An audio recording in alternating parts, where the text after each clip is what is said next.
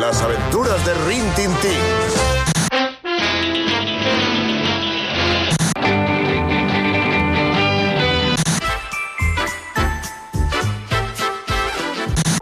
La familia El equipo A.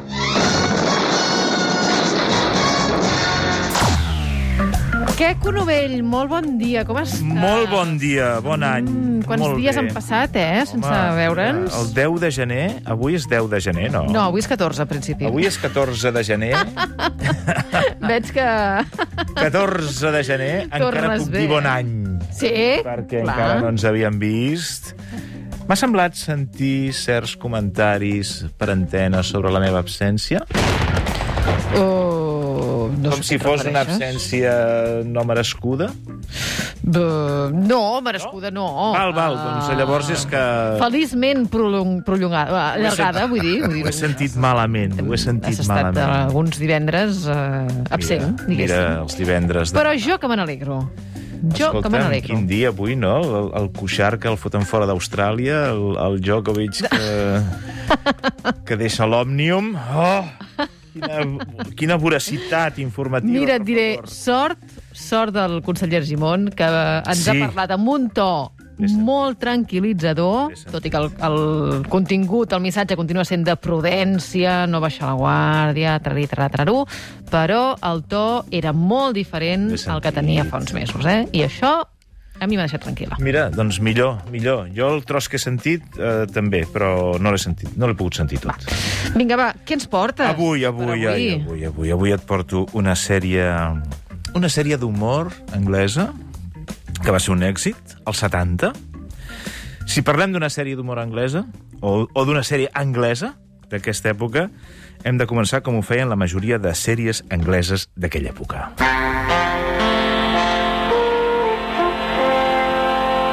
O sigui, tu senties això? O sigui, jo, quan sentia això, ja, ja, Sí. ja m'excitava. Perquè sabia que el que venia a continuació no decebria. O sigui, que estaria bé. Estaria bé. Fer riure, fer explorar, estaria bé. Normalment feien riure. Això que hem sentit eh, eh, precedia sempre la sintonia de la sèrie. Era com... Això era com el lleó de la metro. Saps que quan mm, la metro, sí. la metro Golden sortia el lleó. Doncs a les sèries angleses de la, de, de la productora Thames eh, sortia això que acabem de sentir, que era com, atenció, que el que ve és interessant. Mm -hmm. I en aquest cas què venia? Doncs venien les històries d'una parella mitjana anglesa que responien als noms de George George i Mildred i que van ser coneguts com els Roper.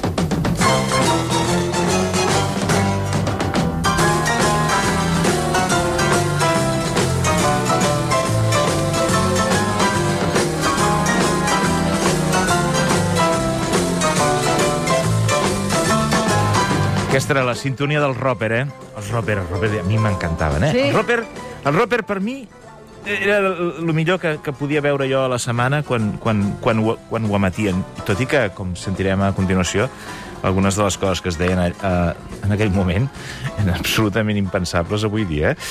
El nom original de la sèrie, no enganyava, era George i Mildred, aquí li van posar els Roper, uh, i aquí la van veure per primera vegada a finals dels 70. El Roper per, uh, van ser una seqüela d'una altra sèrie que aquí es va conèixer com un hombre en casa, llavors els Roper hi tenien uh, un paper no protagonista. Mm. Eren els propietaris del pis que havien llogat a dues, a dues noies i un, i, i un noi. Però George i Mildred, que eren secundaris, van connectar tant, tant amb l'audiència i el públic que quan es va acabar un hombre en casa van dir, home, per favor, aquests dos han creat una parella còmica extraordinària i no van dubtar ni un segon eh, a crear una sèrie per ells dos. Tu recordes els Roper? Em sap greu dir-te que no. No. Bueno, mira. Hi ha hagut entusiasme aquest matí a la redacció quan hem dit eh, ostres, avui el Queco parla del Roper Sí. i un sector de la redacció El sector, eh, el sector boomer. s'han alegrat. El sector boomer. D'altres han fet cares de... De, de què estan, De què estan estan, parlant? de què se n'alegren? De què se n'alegren? Bueno, home, hi ha coses pitjors. Um, Qui eren els Ropers? Els Roper eren una parella que rondava els 50. Mm. Jo els veia molt grans quan era petit, no? Però em sembla que no deurien passar dels 50. de classe mitjana baixa. El George, ell, és un puto paràsit social. Carai. O sigui, un para... Un... És, és el, el, el, el Homer Simpson dels 70. Saps el Homer Simpson, que és un paràsit? Sí. Que fa molta gràcia i fa Sí, tot sí, i sí. tal, bla, bla, bla, i te l'enduries a casa i tot, tot, tot, però és un paràsit. Doncs el, el, el George és també un paràsit, però dels 70 amb comentaris dels 70, bromes dels 70, etc etc. Viu d'una baixa permanent aconseguida per la cara, Carai, que bé. és un, és un dropo. És un dropo amb tocs d'imbecilitat bastant gran i al·lèrgic al contacte físic, per petit que sigui. O sigui, només un simple petó es veu superat i ja eh, es, es veu mort. No sap a quin calaix té els calçotets, perquè no sap ni que té rentadora, no fot brot a casa seva. És un, és, és, eh...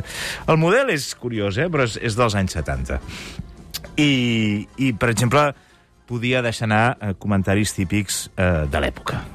Vaya, no está nada mal esa del lado, ¿eh? es monísima. Sí, sí, es muy mona.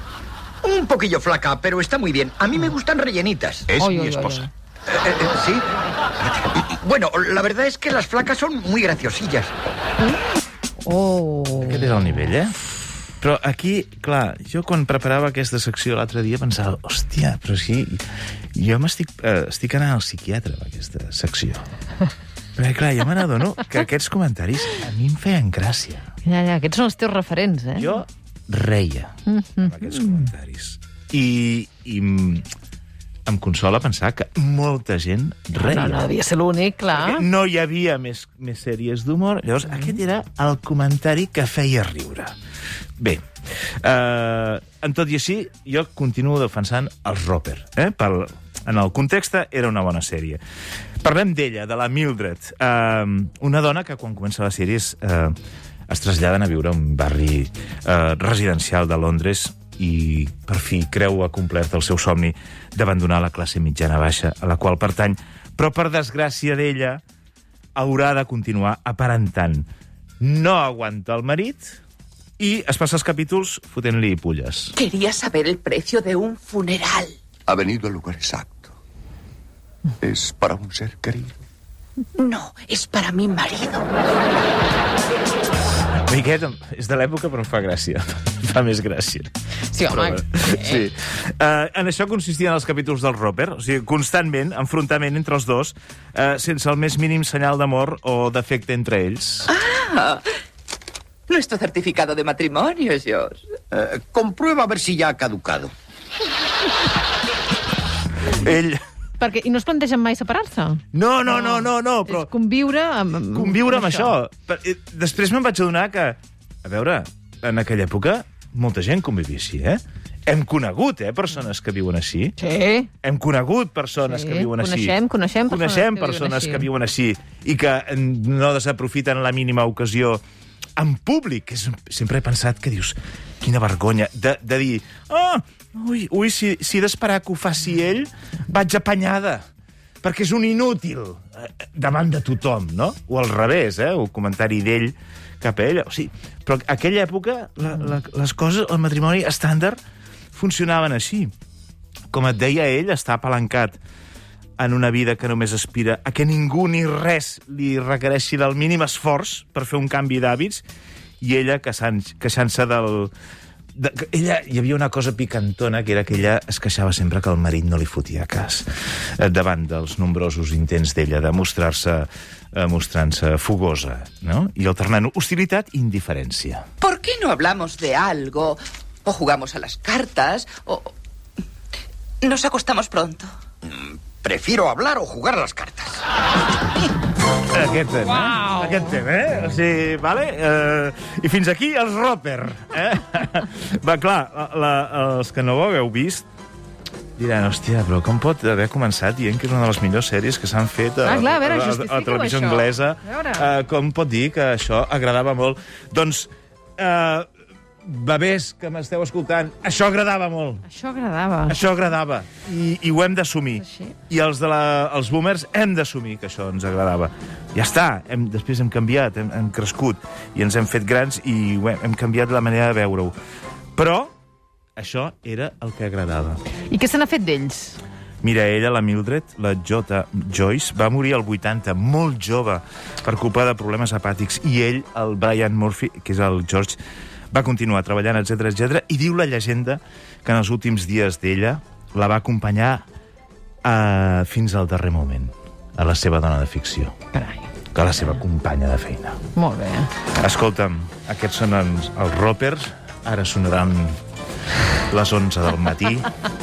En Jordi Cuixart surt d'Austràlia Sí, i en i en Djokovic... Djokovic deixa la direcció de Sí, l'Òmnium. senyor. Això és. Gràcies, que Novell. Bon dia la setmana vinent. Bon dia.